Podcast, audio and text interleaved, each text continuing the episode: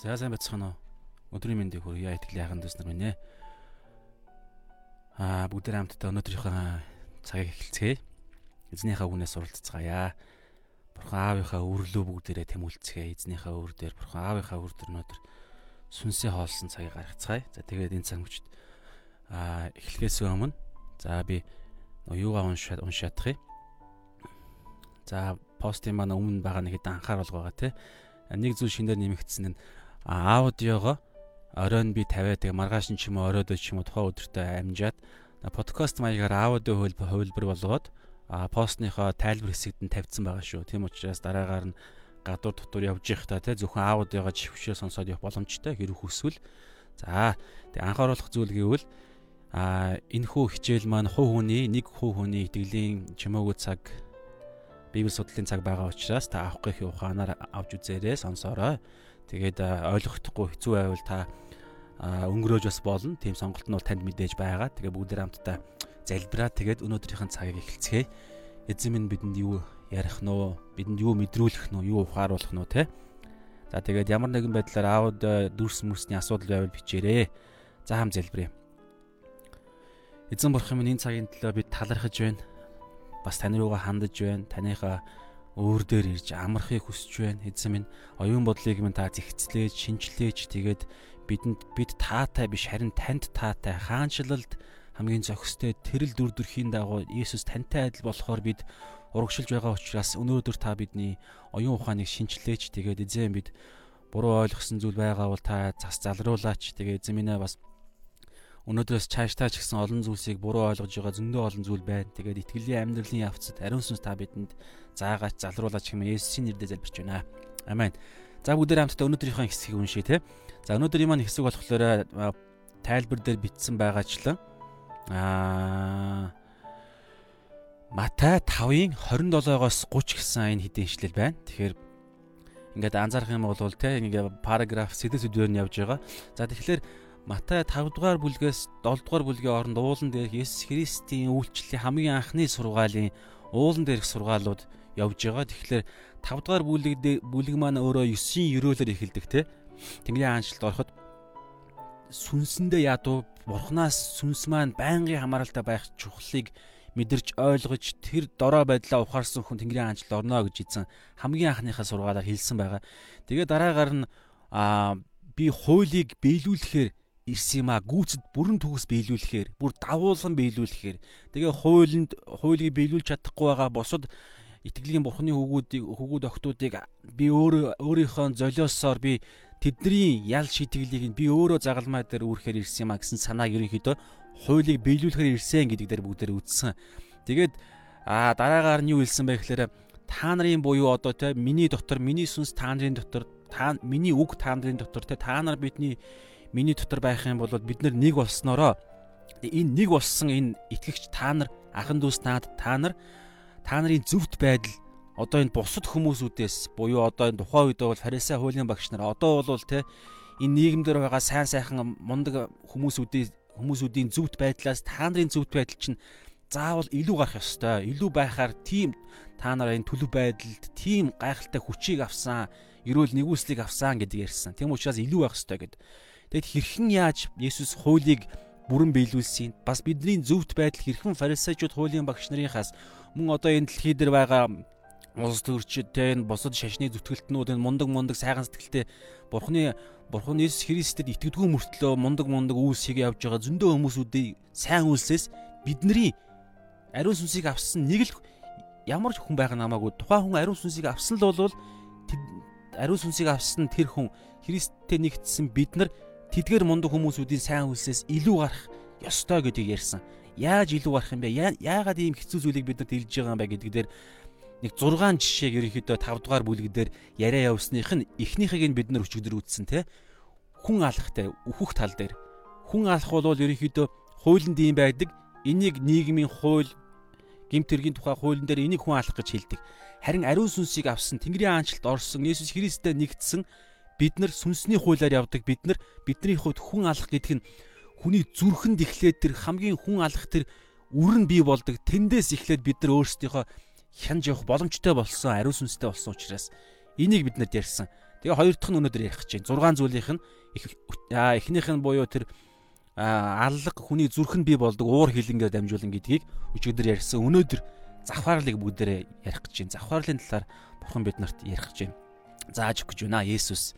Бас өөрөө энэ завхаарлын энэ хуулийг ариун сүнстэй итгэгч бид нар ийм өндөр түвшинд биелүүлэх чадвартай болсон гэдэг талаар ярьж байгаа шүү. Хамгийн гол нь дотор маань ариун сүнс өгөгдсөн учраас бид нар ийм дуудлага, ийм чадвар нь боломжтой болсон. Тийм учраас чадвар нь байгаа учраас та нарын зөвхт байдал үүс чинь гаднах бодиттой үүс яриад байгаа шүү. Та нарын үүс чинь сайн үүс, зөвхт байдал чинь бусад хүмүүсүүдээс хамаагүй илүү байх хэвээр. Тухайн үедээ бүр хуулийн багш фарисеучудаас илүү гэж байгаа. Тухайн үед тэд нар чинь хасар өндөр чадвартай хүмүүс байсан. За бүгдээрээ хамтдаа уншъя. Тэгээ өчигдрийн ишлэлээр те саяныхыг явсан ерөөдөө саяныхыг аа саяныхыг өчигдрийн хэсэг хүртэл явсан. За бүгдээрээ хамтдаа өнөөдрийнхээ хэсгийг уншъя. Завхаарл.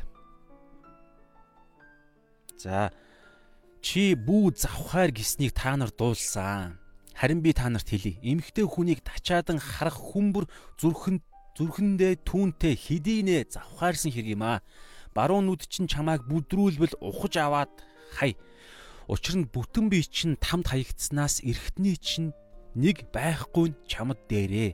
Баруун гар чинь чамайг бүдрүүлбэл тастаад хай. Учир нь бүтэн бие чинь тамд хаягдсанаас эргэтний чинь нэг нь байхгүй байх нь чамд дээрээ гэж Есүс хэлсэн.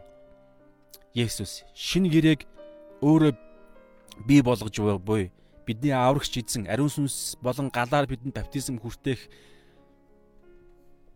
тэр эзэн маань бид нарт тэгж ингэж хэлж байна. Хуучин гэрээний тэр завхаарл гэж байгаа энэ хууль хуулийг та нар сонссон гэд.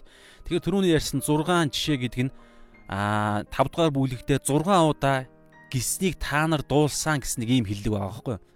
Хуучин гэрээнд ийм байдгийг та нар сонссон, та нар мэднэ гэж яагаад харин гэд би та нарт хэлье гэд 6 удаа хуулийн хуулийн хуулийг Есүс Христ улам хуулийн хуулийн амийг нь хуулийн зүрх рүү н орсон энэ зүйлийг ярьж байгаа. Тэгээ эхнийх нь завхаарл. Тэгэхээр энэ хардаа а Есүс өөрөө хуулийг хэрхэн биелүүлж байгаа тэр процесс хэрхэн хууль Есүсийн дотор ингэж биелэх юм бэ? Буюу ариун Есүсээр дамжуулан итгэгч бид нар биднэрт өгөгдөх тэр ариун сүнсээр дамжуулан хуулийг бид нар өнөөдөр Монголд 2020 оны 3 сарын 31-нд амьдарч байгаа өнөөдөр инх тайван би батаад орж та нар хэрүү та Есүс Христэд итгэдэг бол таны дотор байгаа ариун сүнсээр дамжуулан биднэрт завхаарл гэдэг энэ ойлголтыг хуучин гэрээний тэр бурхны тэр өндөр хэмжүүр хэмжүүрийг одоо бүгдээр эхлээ үзье. Тэгээд тэрнээс чинь бүр давуулж биелүүлэх юм ярьж байгаа юм.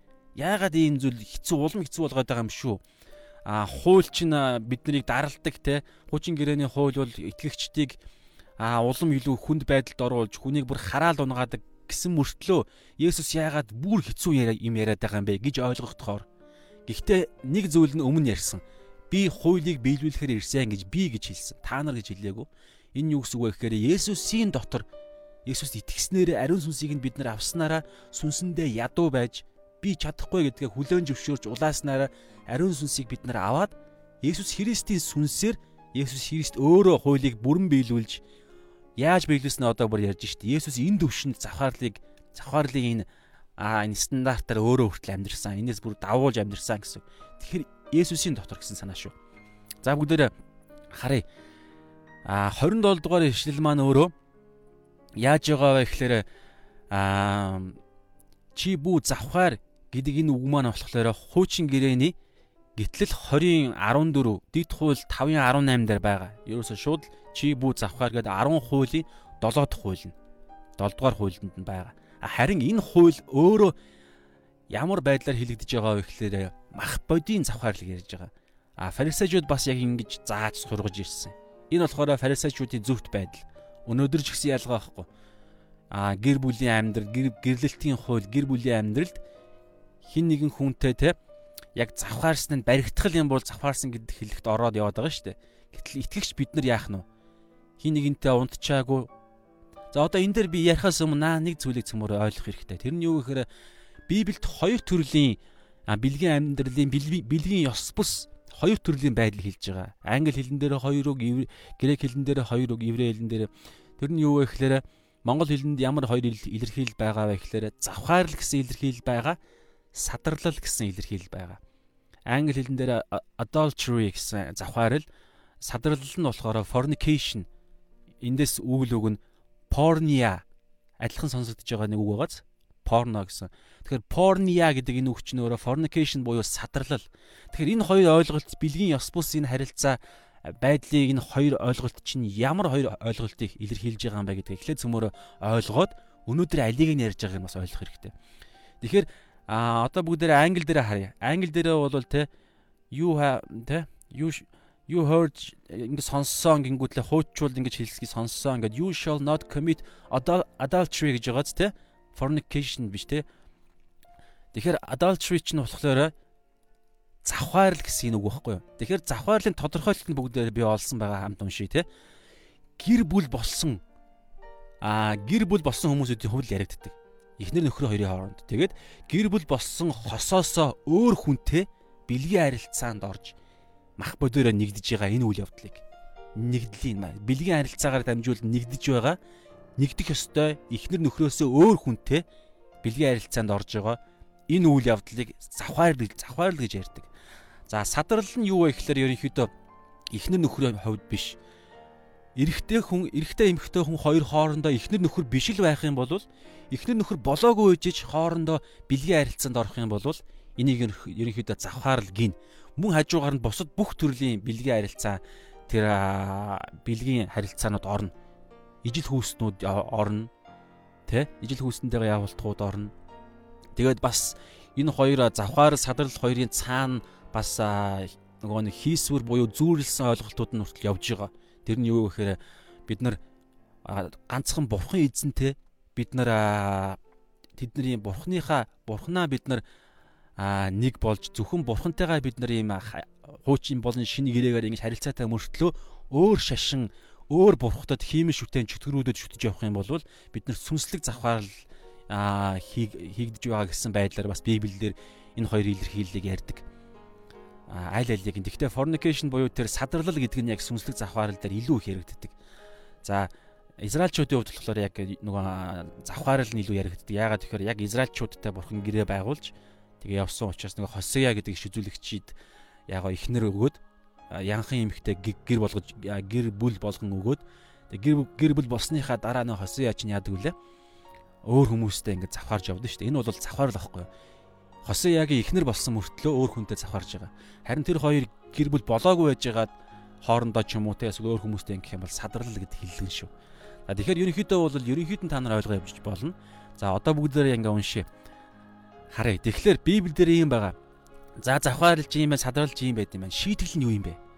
Яг энэ шийтгэл би шийтгэл гэхлээр бид нар нэг тийм хуучин гэрээ Израилийн түүх, Израилийн хуулийг нь судлаад байгаа юм шиг та ойлгох гэж магадгүй шүү.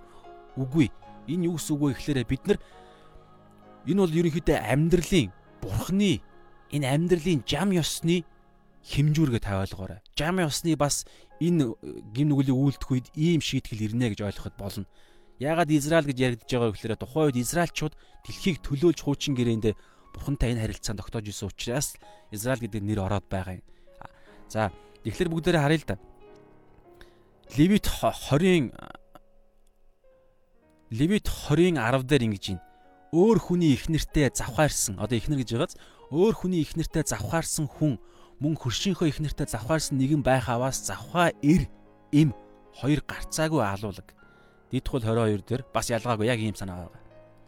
За тэгэхээр үхэх ёстой. За энэ дээр би нэг зүйлийг олж мэдсэн хараа ингэ сайхан дүүснэ минь. Аа дахил дахил буюу нөгөө нэг далдлах те хүний израилчуудад те хүний гим нүглийг далдлах альва гим нүгэл үлдэхэд гим нүглээ уучлуулад золиос төлөөс болгоод оронд нь дахил буюу тэр нөгөө нэг цоггүй мал адгуусыг ингэж толгой дээр нь гараа тавиад бидний гим нүглийн өмнөөс тухайн мал адгуус золиослогдож тэгэж ингэж явдаг шийтгүүлдэг тийм тогтолцоо байдаг те. Тэгэхээр энэ тогтолцоонд дунд энэ гим нүгэл дунд хоёр гим нүгэл гим нүгэлд дахил байдаггүй юм байна.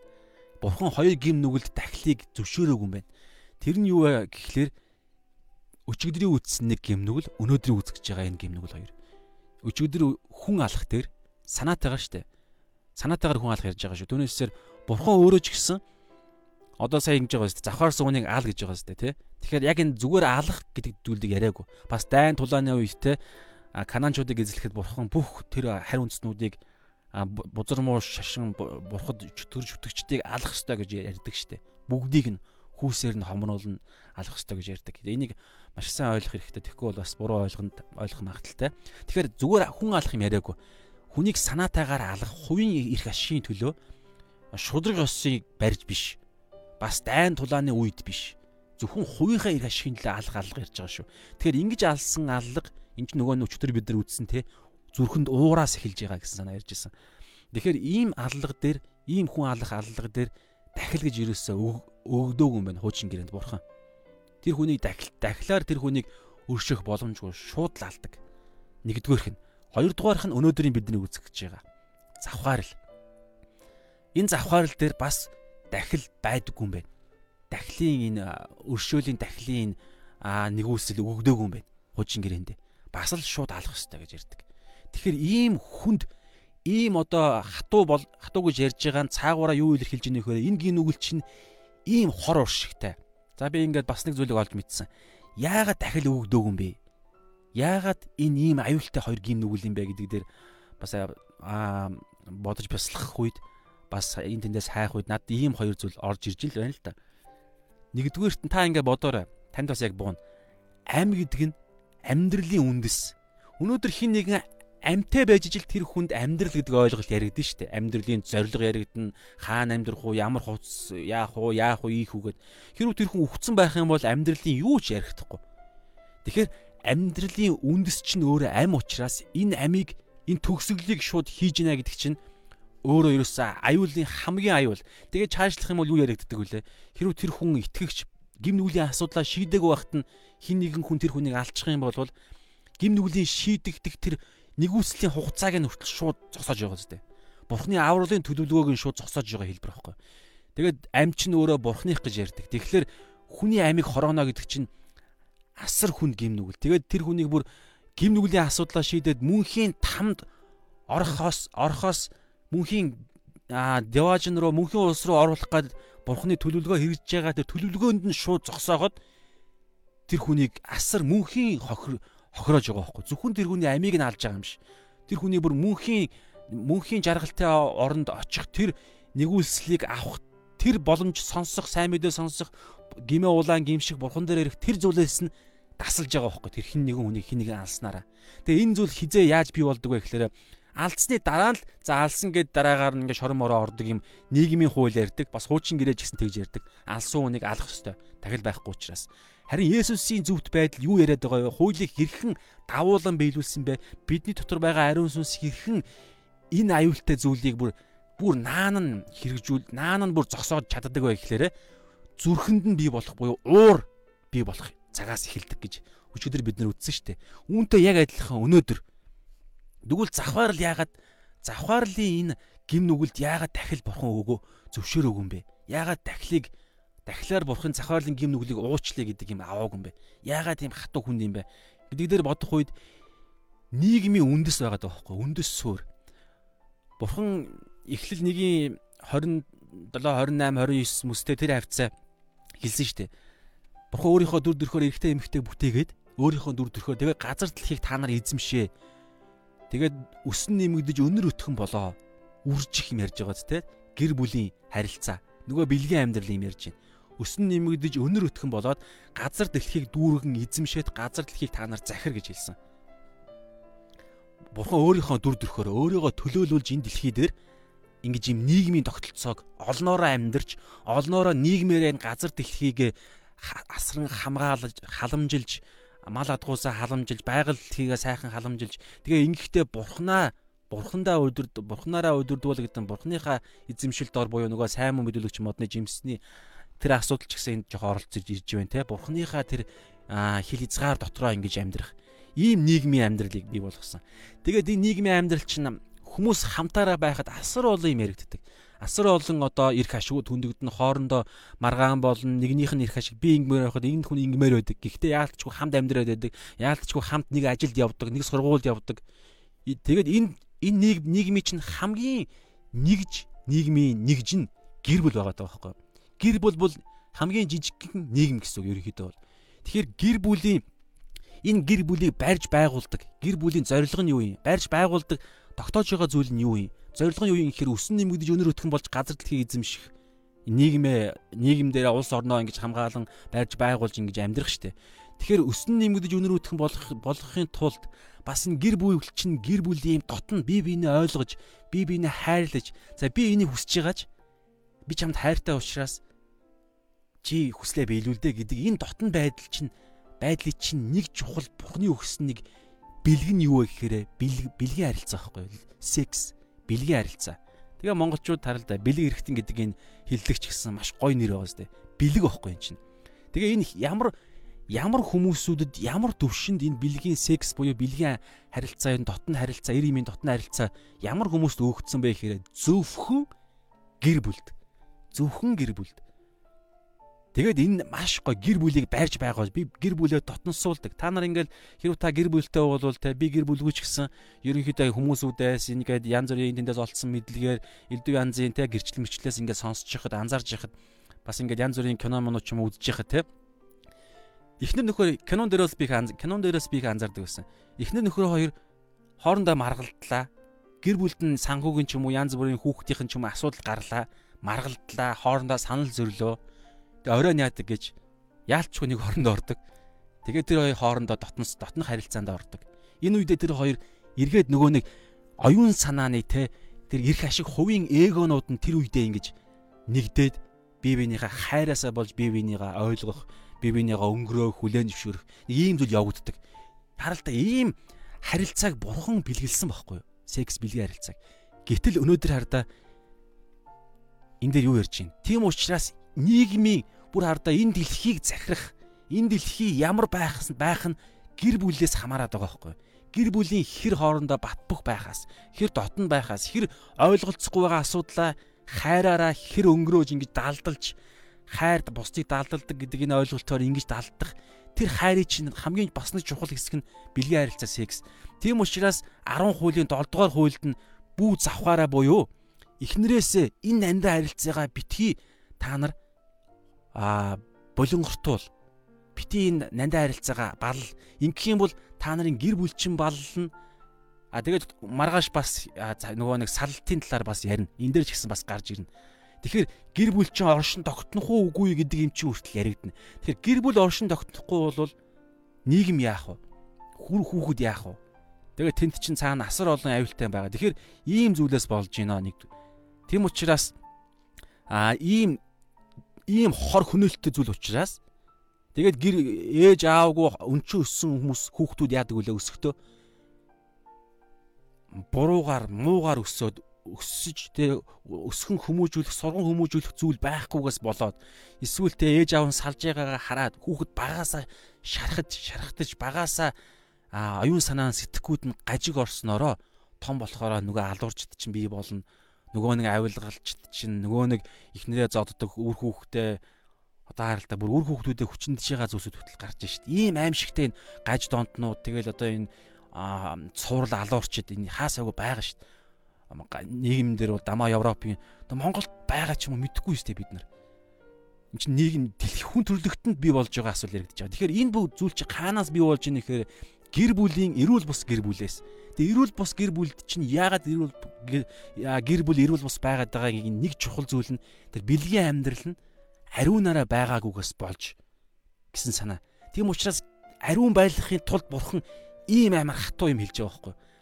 А гэр бүлээ ариун байдлаа алдаад өөр хүнтэй гэрлэлтийн хуулаа, гэрлэлтийн тангаргаа та нар зөрчөөд өөр хүнтэй яах юм бол завхаарах юм бол завхаарсан 92 хоёулангийн шууд аал гэж байгаа байхгүй. Ямар зоригтой юм нийгэм төв даяараа зочирдуулах зорилготой байхгүй бурхан.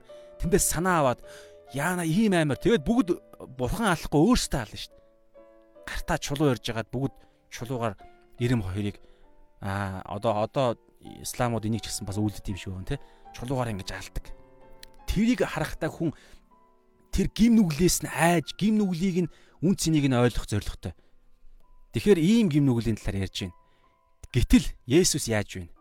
Одоо энэ энэ энэ завхаарлын имийг өчигдөр бид нар үхэл яг хүн алах үед хутгаар мах бодоор мах бодод нь аюул хөнөөл бий болгоод амин тасарж байгаа тэр үед л фарисеучуд болон энэ нийгэм хуучин гэрээч гэсэн хууль нь бас энэ нийгмийн өнөөгийн нийгмийн хүмүүс ч гэсэн тэр үед л хүнийг аллаа гэж ярьдаг.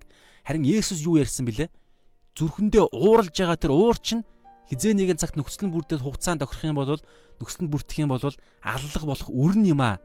Тийм учраас та нар тэр үрийг нь эхлээд а үрийг нь та нар зогсоох хэрэгтэй гэдэг санаагаар а Есүс зөвхт байдлыг хаанчлалын зөвхт байдлыг ингэж ярьсан бол өнөөдөр одоо завхаарл дээр хэрхэн ярьж ийн харъя бүгдээрээ. За бүгдээрээ 28-ыг уншия. За түрүүний энэ ойлголт байна. Ийм нэг ойлголт.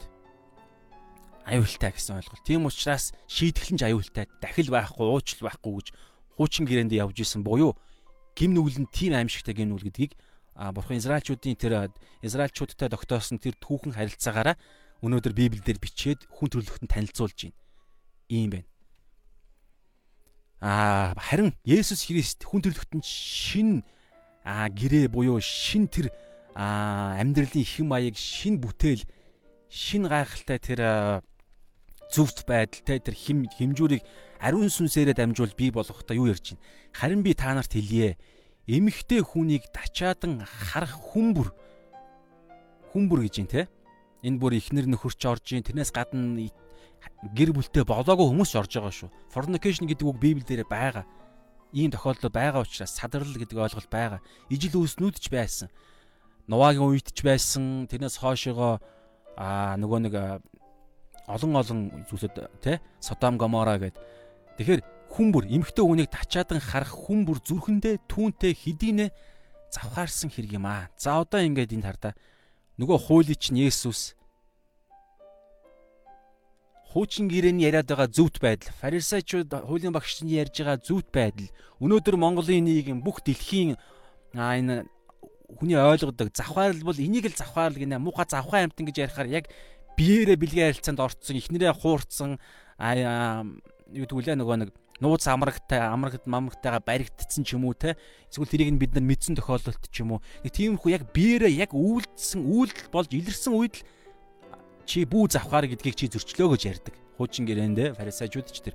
Харин Есүсийн ярьж байгаа ариун сүнсний тэр зөвхт байдал буюу өнөөдөр итгэгч та бидэнд нэгүсдэг авч аврагдсан л болвол өнөөдөр бурхан биднээс ийм зүйл зүйлийн төлөө та нар энэ гайхалтай чадварыг авсан шүү гэж ярьж байгаа шүү. Чадвар түнсээр би дангаараа үнэхээр чадахгүй.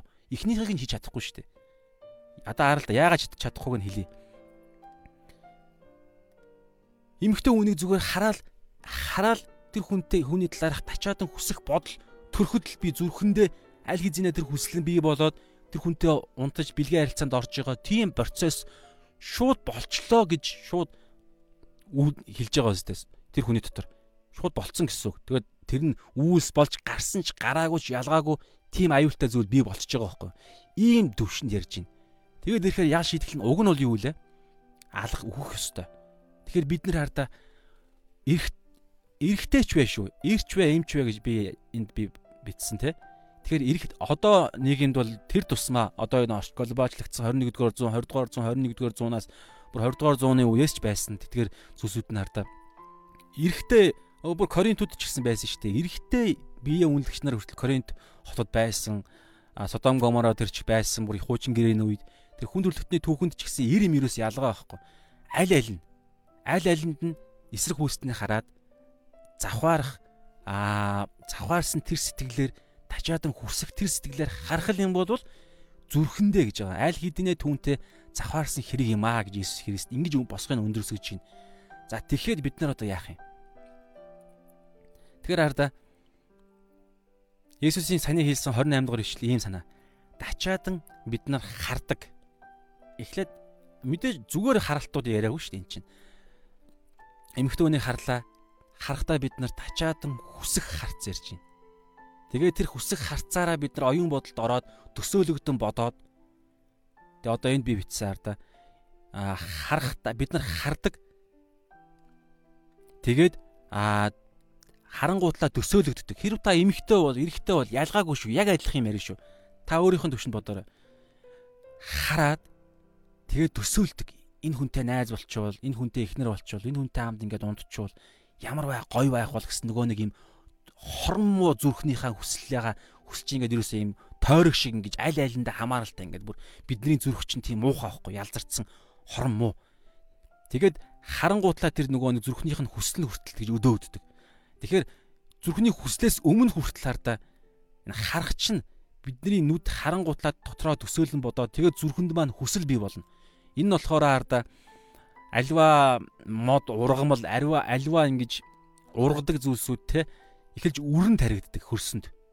За нөхцөл нөхцөл нь буюу одоо те сайн хөрс байх хэрэгтэй, услах хэрэгтэй, боожлох хэрэгтэй, элдв янзын а хорт хогийн ургамлыг нь авах хэрэгтэй. Тэгээд цаг хугацааны аясаар бороо мороо орн нарн гарна. Тэгж байгаа цаг нь болохоор үр жимс аяандаа гардаг. Үр байгаа цагт нөхцөл нь байгаа цагт. Өнөөдөр харахтаа бид нар бид нар хин нэг эмхтэй өвөнийг эсрэг хүснээ бид нар харахтаа дотроо төсөөлж бодож байгаа тэр цагаас эхлээл бидний зүрхэнд тэр хүсэл буюу үр нь бий болчихж байгаа. Тэгэхээр зүгээр нөхцөл нь бүрдэх юм бол цаг хугацаанд таарад цаг хугацаа нөхцөл хоёр хамтдаа бүртгэл юм бол угаасаа үүдэл болж гарах нь тодорхой. Мата наман дээр байдаг те та нар ургац хураатал 4 сар байдаг гэж хэлдэг биш үлээ. Тэгэхээр та нар яагаад энэ сүнслэг энэ цаг хугацааны хугацааг та бүгд ойлгож таньж мэдэхгүй байгаа юм байна гэсэн байдлаар ярьдаг. Тэгэхээр яг энтэй адилхан. Угаасаа үйл гарна. Өнөөдөр би эмхтэн үнийг тачаадан хараад зүрхэндээ тэг хүсэл тэгээ явж байгаа болвол нөхцөл нь бүрдэх юм бол би тэр эмхтэйтэй ганцаараа байж таарах юм бол эсвэл хуйлаас согтуу байж харах юм бол би нэлээд тийм одоо аюултай зүйл ярьж эхэлж байна те. Энийг ингээ ярихад хүртэл танд нэг тийм зүрхний чинь төсөөлөд бодогдож байгаа. Угаасаа бид нар ийм нийгэмд амьдарч байна бид нар. Тэгэхээр бид нар ганцаараа чадахгүй байхын төснөр минь. Би бид нар ганцаараа чадахгүй. Одоо энэ дэр хэрэгжүүлэлтээр гарч ирнэ. Тэгэхээр ингээ зүрхний хүсэлтэд явж байна. Тэгээд цаганд бүртгэл юм бол та их нэртэй ч вэ, их нэргүүч вэ, их нэртэй та маш их хайртай ч вэ. Нөхцөл бүртгэл юм бол танихгүй тэр эмхтэйтэй та шууд гунтна. Яагаад вэ гэхээр бидний зүрх чинь ийм бузар муу байхгүй да. Таны оюун бодол ямар байга мундаг байх нь хамаахгүй. Бидний зүрх дангаараа байгаа цагт ийм аюултай. Тийм учраас яаж ийн?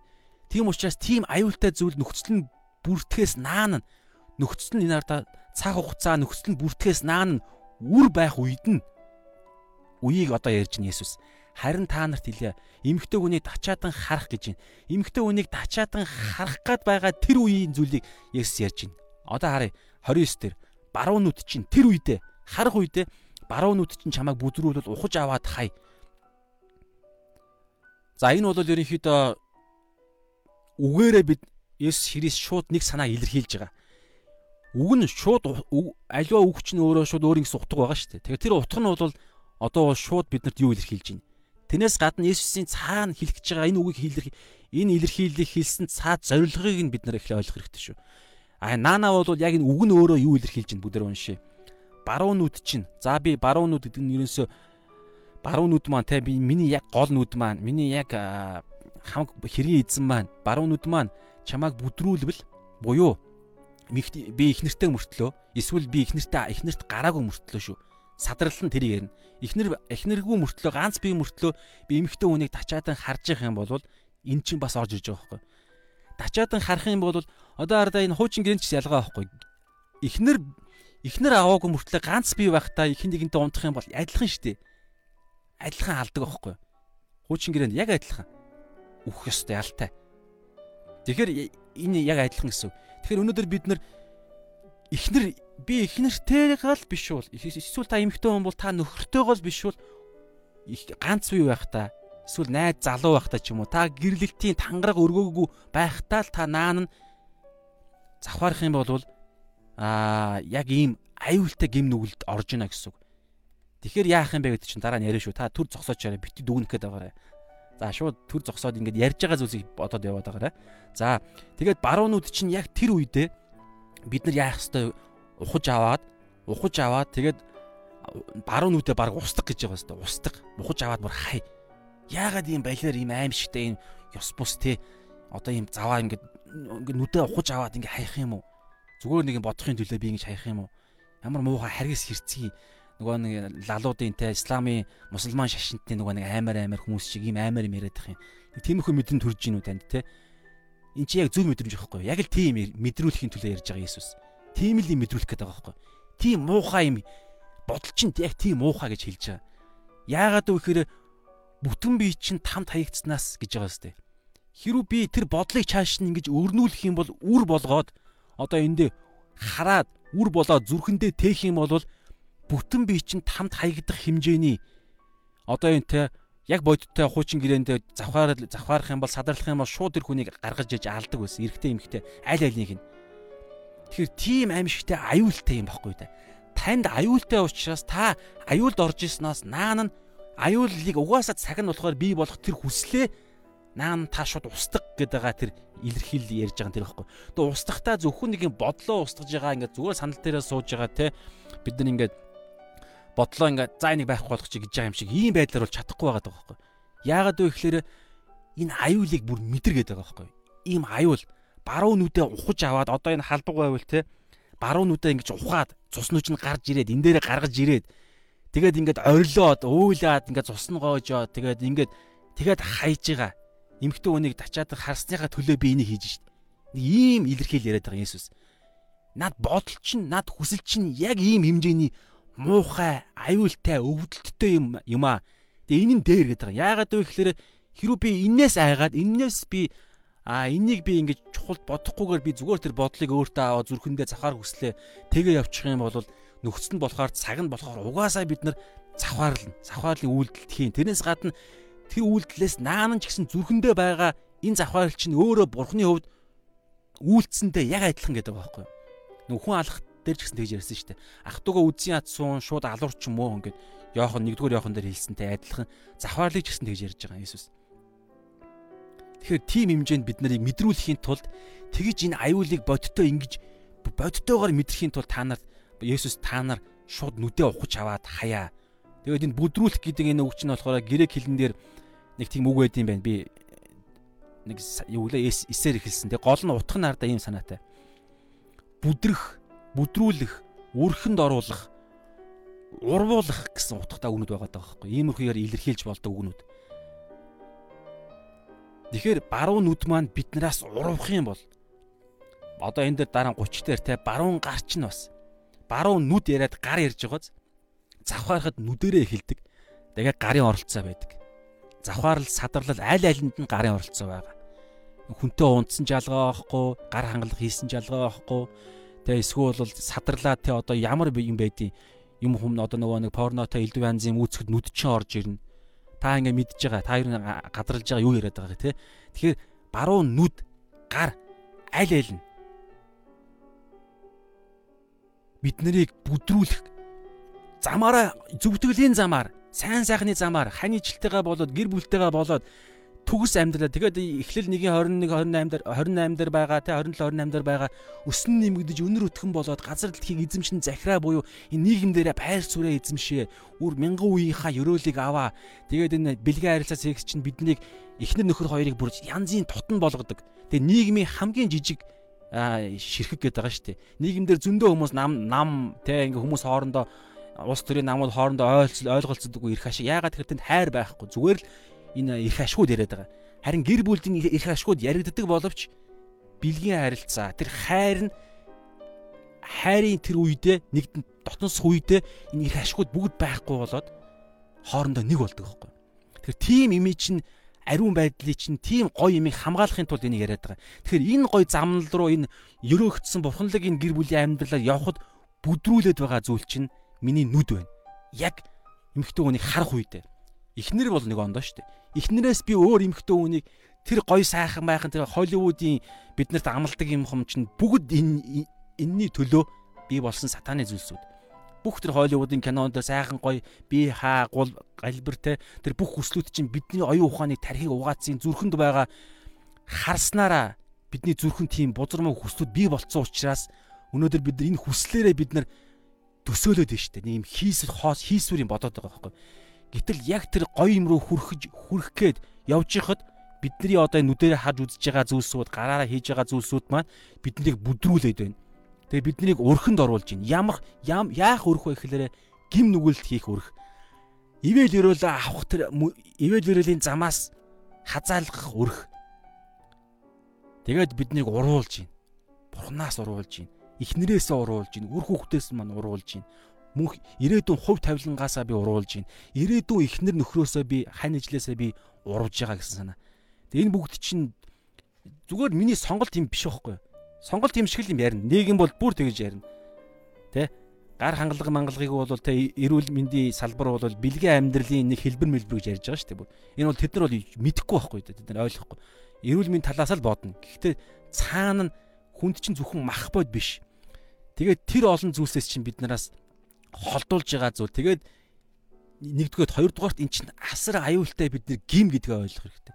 Гим. Тэгээд тэр шууд хуучин гэрээний бүх гим нүглүүд нь хоёрхан гим нүгэл дахил өршөөлгүй хоёр гим нүглийнх нь нэг нь өчигдөр бид нар үтсэн хүний аймыг хороох нөгөөх нь гэр бүлээсээ гадуур завхаарах эхнэрээс өөр хүнтэй ундах завхаарах садарлах гэсэн санаа. Тэгэхээр ийм аюултай зүйлийг сатан бид нарыг хойлуудын мөрөөдлүүд элдв янз үзэж харж байгаа зүйлс зүйлсүүдээр бид нарыг далдалсаар явсаар ирж байна. Тэгээд бид нар оюун ухааныг ийм аюултай байдалд оруулж байна те. За тэгэхээр Есүс Христийн саяны энэ хэлсэн араа 29 30 дээр хэлж байгаа энэ нэг юм аимшигтай муухай зүйл гаргаж ирээд ингээд дүрслэлээр энэ дүрслэлээр хэлж байгаа санаа нь бидний энэ хүсэлд ачаал чинь ямар аюул гэдгийг та нар ингэж бодтоор ойлгоо ийм бодтойгоор ойлгох гэсэн санаа ярьж байгаа шүү. За тэгээд харамсалтай чуулганы түүхэнд бас ийм болж исэн юм байна. Бид та бүгд сонссон хүмүүс нь мэдж байгаа те. А нөгөө monk monk гэд санваартал ламнар католик шашинд те католикийн урсгалд одоо яг манай урсгалын өмнөх одоо манай урсгалын маань одоо их ихний эхлэл гэсэн үг шүү дээ. Католикоос ч протестант гарч явсан. Уг нь протестант хэрүү гажираагүй байсан бол яг л бид нартай адилхан Христ итгэгч нар багхгүй уг нь бол тэгээд тэд нар өөрсдөө гажаад нэмж хасцсан учраас тэндээс заашгүй тэд нар худал хуурмыг хуурмыг дэрсэлж гарч ирэх дэрслэгч нар буюу протестантууд гарч ирэх шаардлагатай болсон. Энд бурхны төлөвлөгөө.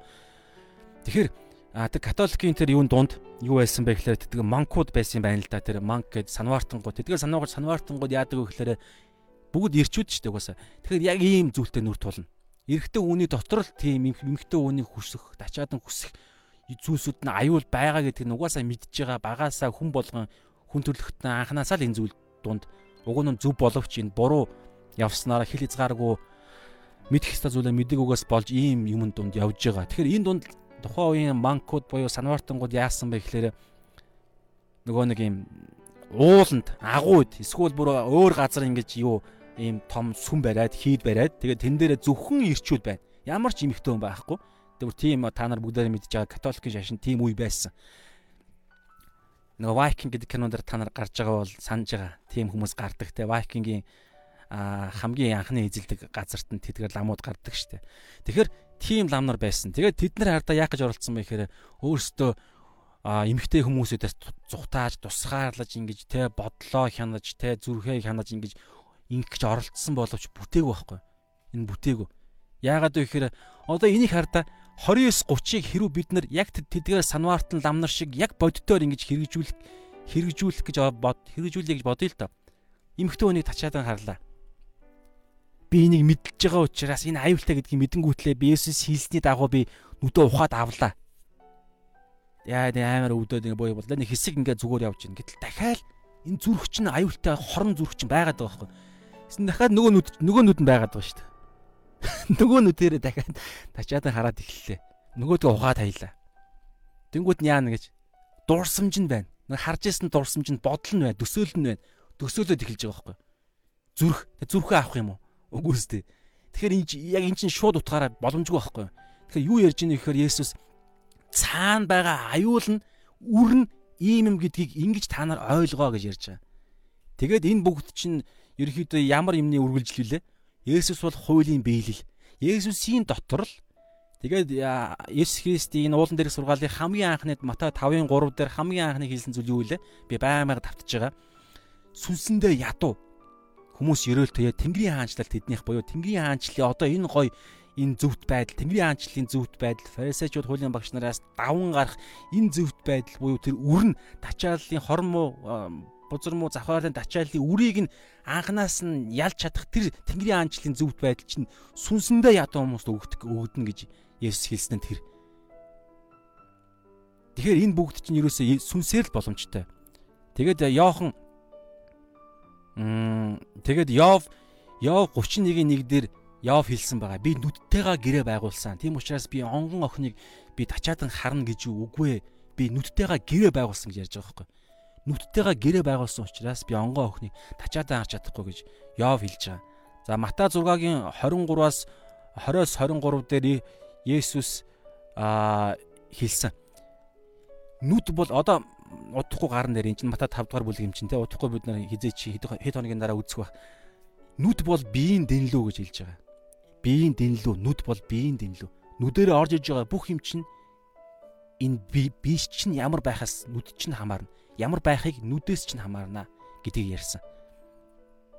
Тэгээд сүүлд нэг жишээ хэлье. Энэ жишээ бидний одоо энэ хэрэгжүүлэлттэй маш чухал нэг юм байгаа байхгүй юу гэхээр Йохан 8-ийн гаргааг угаасаа энэ их хэсэг байгаа. Йохан 8 дугаар бүлгийн 1-ээс 12 дээр гарч байгаа. Завхарж байгаад баригдсан юм ихтэйг танаа санаа тий. Тэгэхээр тэр болохоор яг бидний ярьж байгаа зүйлс тэн дээр тэн дээр гарч байгаа байхгүй. Тэгээ шилжилттэйгээ хамт бидний хэрэгжүүлэлт хүртэл тэнд тэнд бас байгаа учраас мөрө гаргаж ирэх гээд байна л та. Юу вэ гэхээр тэн дээр Есүс ингээд сүмд сургаал зааж исэн. Одоо ингээд энэ мэдчлээ ингээд асар болгон ингээд сургаалаа зааж итэл гинт хаалга онгоогоол нөгөө хуулийн багш нар нөгөө нэг айхтар хууль ярьдаг зөвхт хүмүүс чинь гаднаас орж ирэнгүүтлээ хуулиа бариад хуулийг би ингэ битсаар та хуулийг ашиглан хувийнхаа их ашигын төлөө хуулийг ашиглаж Есүстэй ирсэн байдаг байхгүй. Шууд завхарж байгаа завхарж байгаад үйлдэл дээрээ баригдсан нэг эмэгтэйг тэд нар ингээд зулгаагаал аваад ирсэн. Есүсийн өмнө тавьсан. Тэгэнгүүтлээ Мосегийн хуулинд ийм эмэгтэйчүүд үйлдэлээрээ барьлаа. Тэгэхээр ийм эмэгтэйчүүдийг чулуугаар шидэж алах ёстой гэж хэлдэж штэ. Харин та яах вэ гэж хэлсэн. Уг нь бол хуулиндаа юу гэж байгаа гэхээр ир юм хуулинг нэг байгаа дээ. Уг нь бол эрэгтэйг нь бариаг байгааз тэнд юу болж болсон байж болох мэдэхгүй.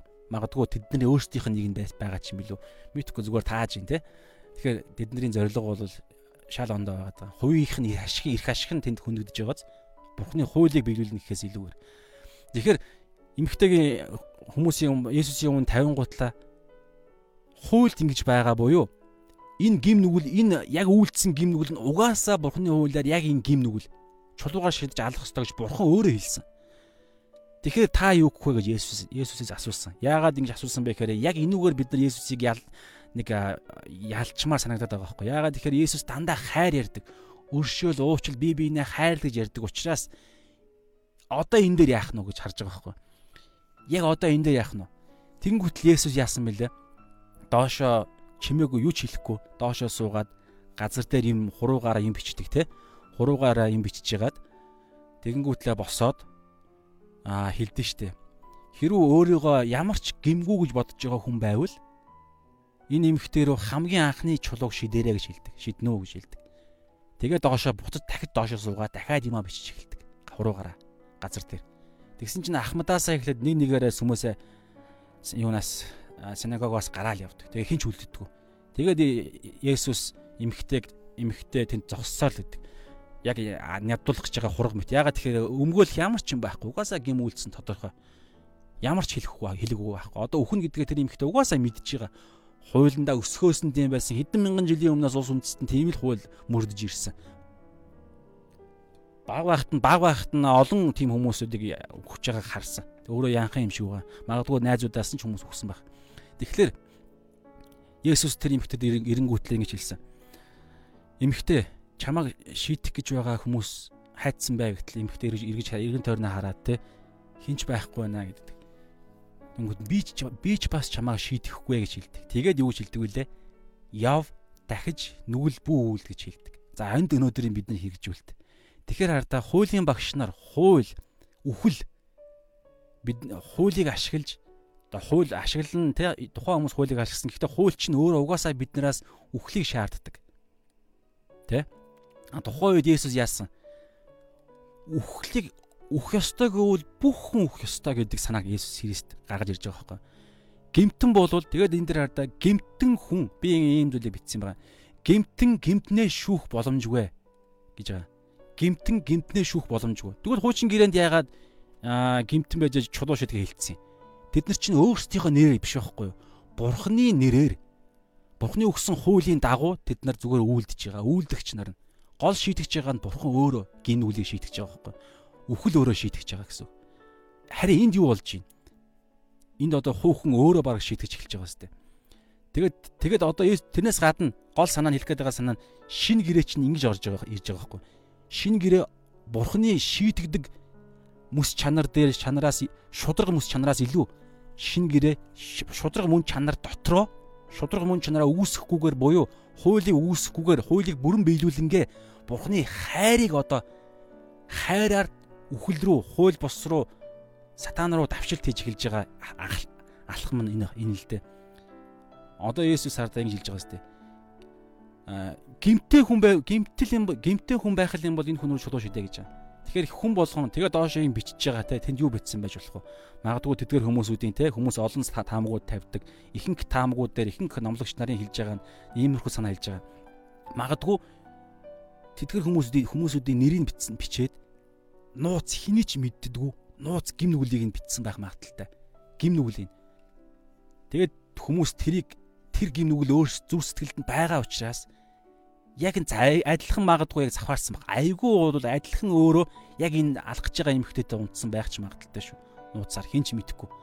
Тэгэхээр тэр бүгдийг нь бичээд илчилнэ гэсэн бодлоор бүгд нөгөө хүмүүс чинь өөр лугаа харж эхэлж байгаа сте. Шүүх хүчээсэн аа. Хуулийг барьж өөр лугаа би чинь бас нэрээ айл эзэн ингэсэн штэ. Эсвэл би ингээл янз бүрийн зүйлс бодож байгаа. Тэгэхээр тэгэнгүүтлээ гимтэн хүн гимтэн үнийг шүүх боломжгүй маа гэдэг санаа илэрхийлэнгүүтлээ эмхтэйгээс асуугаад хэн байна гэсэн хинч байхгүй байна Ягаад тэгэхээр бурхан л хүнийг шүүх боломжтой. Тэр үед хэн яг тэр хүн рүү чулуу шидэх боломжтой хэн байсан бэ? Уг нь Есүс ихгүй юу? Есүс өөрөө 100% гим үлдээгүй Бурхны хүү гимгүү хүн байсан. Тэгээд яг тэр хэлсэн өөрийнх нь хэлсэн үгэнд нь хэн нийцэх тэр хэмжүүрт нь хэн нийцэх нийцсэн бэ гэхээр өөрөө гимгүү хүн байвал анхны чулуу шидэрэ гэсэн. Тэр үед ганцхан Есүс л гимгүү байсан.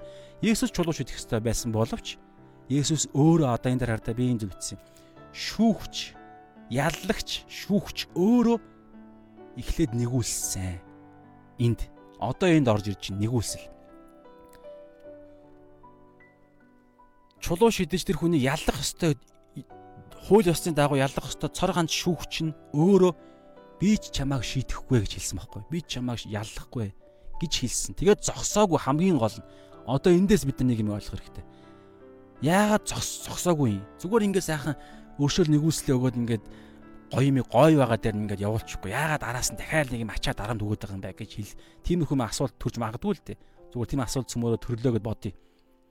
Гитлаардаа тэр нэгүсэл чи өөрөө буруу юм болж хөөрнө шүү дээ. Яагаад тэгэхээр цаа завхаар л нөөрэ аюултай байхгүй да. Нэгүсэл хичнээн сайхан байж болно. Цаад завхаар л чин цаад ихнэрээ хуураад байгаа чинь гэр бүлтэй болоогүй мөртлөө завхаарж байгаа тэр эмэгтэй хүнийг тачаадаа харж байгаа тэр хүсэл бодол зүрхэнд байгаа тэр бузан муу хүсэл чинь өөрөө аюултай юм байхгүй гин нүгэл нөөрөө. Тийм учраас ялыг нь Есүс ихлээр байхгүй болгоцсон буюу би ч гэсэн чамааг яллахгүй гэж хэлчихэд би чамааг өршөөж ийнэ гэд нэгүсэл хүчиж байгаа байхгүй авах усгүй тэр өршөөл өршөөлийг нь аваад ингэ өршөөж байгаа. Дээр нь нэмээд Тэгэхдээ тэр гимн байгаад байгаа шүү дээ. Тэгээ яах юм гэхэлэр өгсөн нэгүүлсэл нь өөрөө дагалтаж юу орж иж байгаа гэхэлэр чадвар байгаа байхгүй. Тэр чадвараараа одоо биднэрт байгаа тэр ариун сүнс нэгүүлсэл ариун сүнс зөвхт байдал чинь өөрөө чадaltaй байхгүй да. Есүсийн өршөөл уучлалч өөрөө гим нүглийг ялах чадал тэнд л байгаа. Ариун сүнс тэнд чадвар байгаа. Тийм учраас дахиж гим нүгэл бүү үлдээ гэж хэлсэн. Ингэж хэлснээр Есүс өршөөл дотроо түн дахиад гим бүү үлдээ гэж хэлсэн. Дээр нь нэмээд тэр өршөөлд нь гим нүгэл үлдэхгүй байх чадлыг нь хүчийг нь давхар тэр эмэгтэйд өгөөд явуулсан гэсэн санаа. Тэгэхээр яг өнөөдөр энэ зүйлийг бид нар өнөөдөр тэгээ явж байгаа ахын дүүс нар минь бүгдээрээ та хань ижилтэй байсан ч энэ танд хамаатай ганц бий байсан ч танд хамаатай бүх хүмүүст хамаатай эрэгтэй эмэгтэй хүмүүс бүх хүмүүст хамаатай ижил хөөстөн хүмүүс сонсч сонсч иж магадгүй шүү дээ Монгол бас байгаа. Тэгсэн бүх хүмүүс танд ч гэсэн хамаатай бүгдэнд нь хамаатай юм ярьж байгаа байхгүй. Тэгээд Есүс хардаа яал шийтгэл нь маш энийг та нар түрүүний яриад байгаа баруун нүдэ дас ухаж аваад хай зүүн баруун гараа дастаад хай гэдэг чинь бидний шийтгэлийн аюулыг маш сайн ойлгох хэрэгтэй гэдэг Есүс ингэж илэрхийлж байгаа. Энийг ойлгоогүй та энийг ойлгохгүй л бодоод бясалгаатай харин сүнснээс асуу. Аюултай юм байгаад байна гэдгийг ойлго. Тэгээ эн чинь эмгтэй хүнийг харах цагаас эхлээд тэнд болж байгаа зүйлс. Түүнээсээ эмгтэй хүнтэй унтж байгаа цагаас биш. Эсвэл гар хангалга хийж байгаа порно үзэж байгаа цагаасаа ч биш. Наан нь энэ дотор ч болоод байна гэдгийг хэлж байгаа шүү. За тэгэнгүүтлээ тэгээ эзэн биднэрт тэгвэл тэглээгээд би яах юм? Тэгэл Есүсийн аврал нэгүс хүчингү болчихж байгаа юм уу? Би тэгээд там руу явах юм уу гэд. Үгүй там руу явахгүй бид нар нэгүс нь өгөгдсөн байгаа. Гэхдээ энэ нэгүсэл буюу энэ дотор өгөгдсөн ариун сүнс үнгүй нөгөө нэг сүнсэндээ ядуу байдлаа гин буруутай гэдгээ хүлээн зөвшөөрөөд биеийн муухай оюун бодолтой биеийн завхаарагчийн бузар муу гэдгээ хүлээн зөвшөөрөхөд ариун сүнс биднэрт орж ирээд биднийг зөвхт болгоод шинчлэн ариусган зөвтгөл нь өгдөн. Тэгээд энэ цагаан хувцс энэ ариун сүнс энэ зөвтгөл чинь өөрөө хүч чадалтай байхгүй. Тэр нь юу вэ гэхээр нэг юм юр бусын одоо юу гэдэг юм да зүгээр нэг юм хүч чадвар биш. Тэр чинь өөрөө бие даасан бурхан буюу ариун сүнс. Бидний дотор орчлын ертөнцийг бүтээсэн бурхан өөрөө дотор маань байна. Тэгээд бид нар нэг болцсон. Тэгээд эмгхтэй хүний тачаатан харахад хүртэл ариун сүнс давхар харж байгаа. Тэгээд ариун сүнс давхар харж байгаа учраас тэр ариун цаана нугаа сүнслэг хорон хөнөөдийг ариун сүнс мэдж байгаа учраас шууд оюун ботол чинь төрөөл ороод ирнэ. Хэрвээ та зөвшөөрөөд ариун сүнсэндээ түргдэх давшиж орж ирэх боломжийг өгөх юм бол ариун сүнс давшаал ороод ирнэ. Тэгээ энэ бүгдийг өнөөдөр мэдж байгаад чинь мэдж байгаа чинь бид бүгд мэдж байгаа чинь Есүс хэлсэн шүү дээ. Миний ард түмэн мэдлэггүйгээсээ болж мөхнөө гэж хэлсэн. Харин үнэн та нарыг чөлөөлнө гэсэн. Тэгэхээр өнөөдөр бид нэр энэ аимшигтээ үнэг мэдсэн учраас сүнсэндээ ядуу амьдрцгаа яхын дүүснэр минь. Годамжаар явж явахдаа сүнсэндээ ядуу явъя. Юу гэсэн үг вэ гэхээр годамжаар явж явахдаа бид нар байнгын бид нар одоо юу гэдэг юм ядуу гуйлах юм шиг ариун сүнсээ туслаараа одоо юу гэдэг нь те яна урдаас одоо 100 болох гэж байна хавар болж байна урдаас нөгөө нэг айхтар охтууд чинь тэгээ нөгөө элдв янз юм гаргаа ороод ирлээ ариун сүнсээ авраараа туслаараа гэсэн сэтгэлээр сэтгэлээр бид нар ариун сүнс рүүгээ хандна гэсэн. Тэр үед ариун сүнс биднэрт яах вэ гэхээр өөрт нь хүч чадалтай тэр бие даасан бурхан учраас энэ хүнийг тачаадан харснараа дараа нь юу болох тэр зүйл аюул нь аимшигтай аюул бий болж байгааг мэдж байгаа учраас ариун сүнс тэнд танд арга зам зааж өгнө. Таны нүдийг чинь халахлна. Эсвэл таныг өөр дэшээ харуулна таныг өндөр байр суурин дээр аваачин. Эмхтэн үүний тэр харж байгаа харцаас чинь та өндөр дээшээ өндөр байр суурин дээр харна.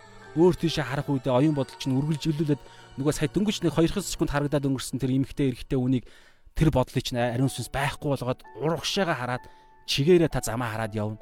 Зөндөө олон юм ариун сүнс таньд дасгалж болох юм би болно. Тэгээ бүгдээрээ сүулт нэг хоёр зүйлийг харъя. Одоо бидний хамгийн чухал нь байрж явах хоёр зүйл. Галаат 16-гийн 17 дээр ингэж байна. Мах бодийн үйлс нөгөө нэг аюултай бидний чаддгүй зүйлсийг одоо хэлж байна. Харин сүнсээр яв гэж байгаа юм. Сүнсээр явах юм яриад байна. Алхаад явах. Сүнсэн дотор ингээд амьдарж бай гэгээгүй сүнсээр яв алах. Тэгвэл та нар мах бодийн хүслээ гүйцэлдэхгүй гэж би та нарт хэлнэ. Учир нь мах бод сүнсний эсрэг хүсдэг, сүнс мах бодийн эсрэг хүсдэг. Юун гівээс хүссэн юмсыг чинь хийлгэхгүй тулд мах бод сүнс нэг нэгнээ эсэргүүцдэг гэж байгаа сте. Бидний өмнөрөөс ариун сүнс бидний мах бодийн тэр бузар муу хүсэл ачаалтай тулалдана гэсэн үг байхгүй юу? Гэхдээ ямар үед бид нар ялах вэ гэхээр ариун сүнсээр явж байгаа цагт ариун сүнслэг тэр юун таатай, юун тааламжтай, юун бурханд нийцдэг Библиэлд байгаа шүү дээ. Тэр гой зүйлсүүдийг бид нар бодож явна гэсэн. Бусдынхаа авралыг бодъё, тий. Аа, Бурхны үгийг судлая одоо сайн сайхан одоо юу байдгийг ариун сүнс танд юу сануулахаар байна уу? Үйлчлэлээ бодгоо, чуулганаа бодъё, ирээдүйн өгөж байгаа ахын дүүснараа бодъё. Тэр одоо тэр дачаа дачаа дачаал болж харагдаад байгаа тэр эмэгтэй хүний сүнс нь юу байгаа вэ гэдэг зүйлийг ариун сүнс танд харуулж эхэлнэ. Есүс өөрөө 33 нас хүртэл амьдарсан те 30 настай идэр залуу настай байсан шүү дээ. Эхнэр байхгүй ганц би. Есүс энэ сорилтонд та орсон гэж бодож байна, ороо гэж бодож байна. Сорилтонд орох нь Дээгүр шуун нисж байгаатай адилхан бурхан ч бай хинч бай бүх хүмүүсийн дээгүр энэ сорилт ингээл хүн л болоод орж ирнэ. Есүс өөрөө хүн байсан шүү дээ. Еврей номдэр хэлсэн бүх талаараа Есүс бидэнтэй адилхан соригдсон гэсэн. Есүс ч гэсэн тэр сорилтын тэр юм бодол нь орж ирж байгаа шүү дээ. Сатан хайж үзэн шүү дээ. Хүн юм чинь. Бурхан 100% хүн юм чинь. Тэр үед сатан Есүс яаж чинь өөрөө бурхан гурлаар оршигч бурханы бурхан хүү бурхан дээр нэмээд ариун сүнс сүнс түнтэй хамт харилцсан. Бурхан аав түнтэйгээ харилцсан. Тэгэхээр өөрөө бурхан учраас хүн биш сүнс нь хүн биш учраас цаад сүнс нь дотор байгаа одоо бидний одоо энэ хэлээд байгаа бидний одоо энэ а дүр төрх байхгүй юу? Яг одоо бидний дүр төрх чадна гэдэг байгаа энэ дүр төрх чинь Есүс угаасаа байсан учраас тэр эмхтэй хүн юунд тачаадж гарах вэ? Өөрийнх нь бүтээл шүү дээ. Одоо би энэ аягыг би одоо ингэж энд ваар аяг байлаа гэж бодоход би энэ аягыг бүтээсэн. Тэгээ би энийг хараад тачаадж хүсэх юм хаашийн. Нэг иймэрхүү юм яриад байгаа байхгүй баг Иесус ч өөрөө бүтээгч бурхан. Тэгээд тэг хүн байсан. Гэхдээ тэр чинь өөрөө хүн байсан мөртлөө өөрөө бас бурхан. Тэрнээс гадна тэр хүн байхдаа хүртэл тэрээр бүр тийм бид нар ойлгоход хэцүү байна. Тийм учраас одоо юу ярьж байгаа нөхөр сүнсээр явъя бүгдээрээ. Ойлгохгүй бай сүнснээс асууя. Тэгээд сайн ярьж байна. Харин та нар сүнсээр яв. Тэгвэл та нар мах бодийн хүслээ гүйцэтгүүлэхгүй. Тэгээд мах бодийн хүсч угаасаа байгаа л байна. Ямар үед ялах вэ гэхээр ариун сүнсээр явж байгаа л цагт. Ариун сүнсээр явна гэдэг нь юу юм? Бухныхаа үхтэйгээ хамт бай, дасралтгүй залбирая. Ариун сүнс юу ярьж байгаа сонор сэрэмжтэй алхахыг бос зогсож байгаа гэж бодохгүй үргэлж сэрэмжтэй бай. Ариун сүнстэйгээ хамт харилцсан энэ зүйл. Тэгээ бүгдээрээ Эфес а Галат 5-ын 25 дээр нь бас байгаа. Дахиад нэг зүйлийг харъя. Хэрв бид сүнсэнд амьд байгаа юм бол сүнс дотор явцгаая. Эдийн харда. Хэрв та аврал аваад үнгүй бэлэг аваад таны дотор ариун сүнс ороод ирсэн та сүнсэн дотроо амьд байгаа юм болвол амьд байгаа энэ дотроо байгаа энэ сүнсээрээ явцгаая гэж байгаа юм. Одоо энэ Галат 5-ын 25 дээр маш чухал ялгаар хэлж байна. Та сүнсэн дотроо байх чинь нэг итгэлийн амьдралын нэг төлөв байдал. Сүнсэн дотроо байж болно. Та ариун сүнстэй байж болно. Гэхдээ сүнсээрээ явнаа, сүнс дотроо явнаа гэдэг чинь өөр зүйл шүү. Бид ариун сүнсийг тээгч нар мөртлөө ариун сүнсээ сонсоод ариун сүнсээгээ хэрэгж ариун сүнсээрээ хамтарч ингэж одоо дараагийн төвшөнд одоо энэ нүдэрээ те завхаарч харах марах гэдэг энэ энэ төвшөнд хүртэл ариун сүнсээ ариун сүнс дотроо хамт алхана гэдэг чинь энэ төвшин яриад байна. Ингэж бид нар мах бодийн хүслийг ялж чадна. За сүүлийн ишлэл Эфес 5:18-ыг үдээр уншия. Дарсанд бүү согтуур эс бөгөөс хэд самуурал би харин сүнсээр дүүр гэж байгаа сте. За энэ хоёр та зүйлийг анзаар. Хоёр харьцуултыг дарсанд согтж байгаа согтуу мах бод хүн хүнийг та дотроо бод. Тэр хүн яадаг вүлээ гэд бод. Арх ууцсан үедээ хүнд нэрээс нэрээ юу бол юу хамаагүй болдог штэ. Яавал яадаг. Дур хүсэл нь жинхэнэ нөгөө нэг оволцдог. Яавал яадаг. Ирхчлөө ерөөсө бүх зүйл сайхан болж хувирдаг. Тэгэж тархийг угаадаг тархис дарс дарсанд өөрт нь тэр нэг юм юу байдаг гинэ. Нэрээ би сонссон юм байна. Дарсанд өөрт нь нэг тийм юу байдаг гинэ. Нэг тийм аа нэг тийм бодис ялгардаг гинэ. Дарс арх уухаар а хүнээс тийм нэг бодис ялгардаг гэсэн чинь нэр нь мартчих. Ямар ч байсан нэг тийм бодис ялгардаг гэсэн. Тэгээ тэр бодис нь байгалийнхаа жам ёсоороо хизээ ялгардаг вэ гэхлээр хүн зорьсондоо хүрэх үед амжилтанд гарах үед тулаанд ороод ялах үед Тэгээд яг нэг юм байх хэвээр зорж байгаа зүйлдээ хүрэх үед хүнээс аяанда тэр бодис нь ялгардаг гинэ. Одоо жишээ нь би сакс тоглож байгаа л ялах үед ч юм уу, гол орох тэр мөчт ч юм уу те. Эсвэл бол те шатар мотор тоглож байгаад ялах үед ч юм уу эсвэл би амьдралдаа нэг зориг тавиад зориг маань биелэх үед те эсвэл би э, нэг эмхтэй те хайртай гэж хэлээд нөгөө эмхтэй маань те гэрлэх санал тавих зөвшөөрөх үед ч юм уу мэдхгүй нэг иймэрхүү зорж байгаа зүйл маань биелэх үед энэ бодис ялгардаг. Харин арх ухаар яадаг вэ гэхээр энэ бодис бүр ингээд бөөнөр ялгардаг гинэ. Тэгээд тэгсэн мөртлөө өөр нэг зүйлийг энэ арх чинь өөрөө устгаж идэг гинэ. Тэр нь болохоор миний санаж байгаагаар хүний бодож, сэтгэх, сэрэх, мэдрэх, ялгаж, салгах эрүүл ухааны тэр зүйлсийг арх улам тархи хүний тархийг тархийг ингэж тархиндх тэр чадварыг байх болгодог гинэ. Харин ариун сүнс яах нь вэ? Гэтэл дарстай харьцуулаад Эфестер хэлж байгаа юм сте харин сүнсээр дүүр гэж байгаа сте. Дарсаар дүүрэх биш сүнсээр дүүр гэж байгаа. Ариун сүнсний тэр дүүрэлтийг ярьж байгаа. Ариун сүнсээр дүүр. Түрүүний ярьсан ариун сүнсээр байнга алхах. Ингээд ирэхээр яах вэ гэхээр бидний жинхэнэ хувь тавиландаа өрнө. Нөгөө дарсны өгдөг зүйл чинь жинхэнэ байгаль ёсоороо бүр сүнслэг төвшөнд өгнө.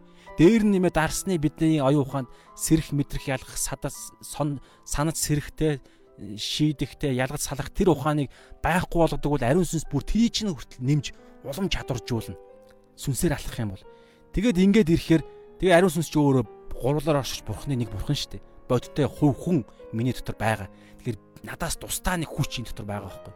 Тэгээ би гол нь тэр тэр нь ариун сүнсээ сонсож ариун сүнсээ сонсож сэрэх мэдрэх төвшөндөө бид нар ариун сүнстэй харилцаж ингэж хамтран алхаж чадах юм бол За өнөөдрийн маань ерөнхийдөө зүйл энэ байлаа. Тэгэхээр асар чухал зүйл байна. Аа тэгээд цаашдаа энэ завхаарл, садрал, завхаарл гэдэг хоёр зүйл ярьсан шүү дээ. Ерөнхийдөө бол нэг ойлгож болно. Аа их нэртэйгаал биш бол бусад бүх төрлийн завхаарл. Тэгэхээр танд ихнэр байхгүй бол та завхаарлын завхаарл гэнэ бэлгийн амьдрал ямар нэгэн юм хийж бодол санаа сэтгэж байгаа бол бүгд садралдаа орно шүү. Fornication гэдэг англи үг ялгаа байхгүй би ч гэсэн ялгаа байхгүй бүгд ялгаагүй би энд энэ цаг мөчид ямар байдалтай ярьж байгаа вэ Библийг яг тэр чигээр нь аваад эндээ хийх л миний зорилго шүү дээ. Таны бас зорилго те. Тэгэхээр бүгдээ хамтдаа залбирая. Өнөөдрийн маань зүйл энэ байлаа. Тэгэхээр хамгийн чухал зүйл маань юу вэ гэхээр эхлээд бид нар аа энд хэрэгжүүлэлтэн дээр л байна л да. Аюулыг мэдрэх. Өөр өнгөөр яа. Аа бид нар хардаа садар самуун завхаарл гэдэг нь ямар аюултай аюултай вэ гэдгээ ахын дүүс нар минь улам илүү мэдрий бүр мэдрий бүр эзнээс гуй зүүд нойрч гэсэн хүсэл та. Энэ аимшигтай зүйл байгаа байхгүй. Тэгээ бас нөгөө бас нэг аимшигтай зүйл нөгөө уур штэ. Үзэн яд хахтуусаа уурлах. Энэ хоёр дээр чинь хуучин гэрээндээ бол өршөөлийн дахил байдаггүй хоёр гинүүл гэдэг байгаа штэ. Хүн алах завхаарах хоёр. Тэгэхээр Есүс бидний хувьд юу гэж хамаарууллаа? Хүн алах нь хин нэгэнд уурлах юм бол зүрхэндээ уурлах юм бол ууч зүрхээ уучлахгүй зүрхэндээ үзэн ядаад ууралж байгаа тэр зүйлийг бид нэр хүн алж байгаа тэр гим нүгэл гэж ярьсан. Асар аюултай. Хоёрдугаарт нүдэрээ бид нэр харах юм бол эмэгтэй хүнийг эрэгтэй хүн эмэгтэй хүн бол эрэгтэй хүнийг тачаадаг харах юм бол эсвэл ижил хүссэн хүмүүс байвал ижил хүснүүдэд тачаадаг харж байгаа бол бид нар шууд завхарж байгаа энэ аимшигтай аюулыг хийж байгаа байхгүй. Тэгээ эн чинь бүр асар аюултай. Аа За би яг сая ижил үүст ингээд жоохон тэр зүйлсүүд их дундуур оруулж ирж байгаа нь зүгээр ингээд нэг урилга маягийн л өгöd байгаа шүү. Түүнээс яг тэр тал дээр бол би аа байр суурьаа бол илэрхийлсэн юм яриаггүй байгаа. Тэн дээр бол яриул өөр зүйл яригдана. Гэхдээ ярьж байгаа нь би бүх хүмүүс гэдэг утгаар ярьж байгаа шүү. Бэлгийн амьдралдаа ерөөсө хоёр төрлийн хүн байгаа шүү дээ. Ижил хүүстэнтэйгээ бэлгийн харилцаанд ордог, эсрэг хүүстэнтэйгээ бэлгийн харилцаанд ордог гэсэн хоёр хүмүүс. Энэ хоёулангийн хандж хийж байгаа царайн тэр. Бүх хүмүүс нэгүсэл Бурхны өршөөл аврал хайр байгаа учраас л аль болох бүгдийг хамааруулах гал яриад байгаа нь тэр. За аа эхний залбирал нь тэр. Энэ аюулыг бүгдээ маш бодиттой мэдрий. Тэгээд мэдэрснийхаа дараа нь энэ аюулаас хэрхэн зутаах, хэрхэн энэ аюулыг бид нар бий болохоос наан устгаж, наан хамгаалах вэ гэхлээрээ энэ байна. Бүү үйлд буюу сүнсээр аа мах бодийн хүслийг. За энэ хоёр дээр бүгдээ залбирдөхөө. За тэгээд ерөнхийдөө өнөөдрийн цагийг өндөрлөе. Маргаашийн цаг дээр би түрүү ярьсан те 6 жишээ Есүс Христийг хэрхэн итгэгч хүмүүсүүдийн итгэлийн Тэнгэрийн хаанчлалын зөвхт байдал ямар төвшөнд байдаг талаар 6 жишээг татаж хуучин гэрээний хуулийг ингэж та нарт хэлсэн Мосегийн хуулинд харин би гэдээ ярьсан 6 зүйлийн хоёр дахь нь бид нар үзлээ өнөөдөр. Өчигдөр эхнийх нь үтсэн, өнөөдөр хоёр дахь нь үтсэн. Маргааш салалтын талаар бас байгаа. Тэр талаар бүгд хамтдаа судлаад үзээд явъя. За тэгээ залбирая. Эзэн бурхан минь би таньдаа энэ цаг мөчид тань руугаа хандаж байна. Тэгээ зүрхээ бас шалгаж байна. Сүнсээ таныхаа тэр э, дүүргэлтэнд таны танаас бүрэн хамаарах тэр төлөв байдалтай алхан тутамдаа тавьж өгнө эзэн минь. Би бол гемтэн, би бол завхаарагч, би бол алуурчин. Аваа би бол үнэхээр муухай амтан эзэн. Та энийг мэдж байгаа. Харин бид нар адилхан мэдсэн цагт л бид таны бидэнд өгж байгаа тэр арга замаар бид нар улам илүү бодиттой зөвхт амьдрал амьдрал дотор амьдарч бид нар Тэнгэрийн аанчлалын зөвхт байдлыг бас гаднаараа үйлсээрээ үг яриагаараа бид нар бас илэрхийлж харуулж чадна. Ингэснээрээ зорилго нь таныг алдаршуулахын тулд бас би өөрөө хувь тавиландаа хүрч авах ивэл ерөөл идэгрэл чөлөөлөлтөндөө хүрэхийн тулд үлээ эзэн. Тиймээс үүний тулд эзэн минь та хоёр аюулыг өнөөдөр өчигдөр өнөөдөр хоёр биднэрт хэллээ эзэн. Нэг нь уур, уцаар, үзэн ядалт уур хилэн хиний эсрэг зүв бууруу байх нь хамаагүй би уурыг тээж л байгаа бол энэ нь асар аюултай зүйлийн үр гэдгийг та бидэнд өчигдөр хэлсэн. Хоёрдугаар өнөөдөр би хин нэгнийг тачаадан харж байгаа тэр анхны харж байгаа тэр харалт нь асар аюултай зүйлд хүргэдэг тэр үр гэдгийг бид нар ойлгууллаа эзэн. Ам болвол амьдралын үндэс суурь бас аа гэр бүл гэдэг бол гэр бүл бэлгийн харилцаа гэдэг бол нийгмийн үндэс суурь гэдэг бүр энэ уялдаа холбоог бид нар харлаа эзэн. Ийм чухал зүйл бүтээлийн анханаас биднэрт бэлэг болгон өгөгдсөн чухал зүйлсийг өнөөдөр сатаа, өнөөдөр нийгэм, өнөөдөр Холливуд, өнөөдөр бидний үзэж харж байгаа зүйлс асар буруугаар бид нар руу э, тарих угаалт явагдсаар байна. Дүүнэр маань үр хүүхдүүд хүүхдүүд маань явагдсаар л байна. Тиймээс аваа бид нар өөрсдөөсөө эхлээд эрх чөлөөнд гараад сүнсээрээ явж ариун сүнсээрээ бид нар үйлдэж бид нар хувь тавиландаа гарсныхаа дараа эзэн минь энэ үйл явц дундаа бид нар өөрсдийнхөө бурхныхаа ахын дүүснээр аврах бол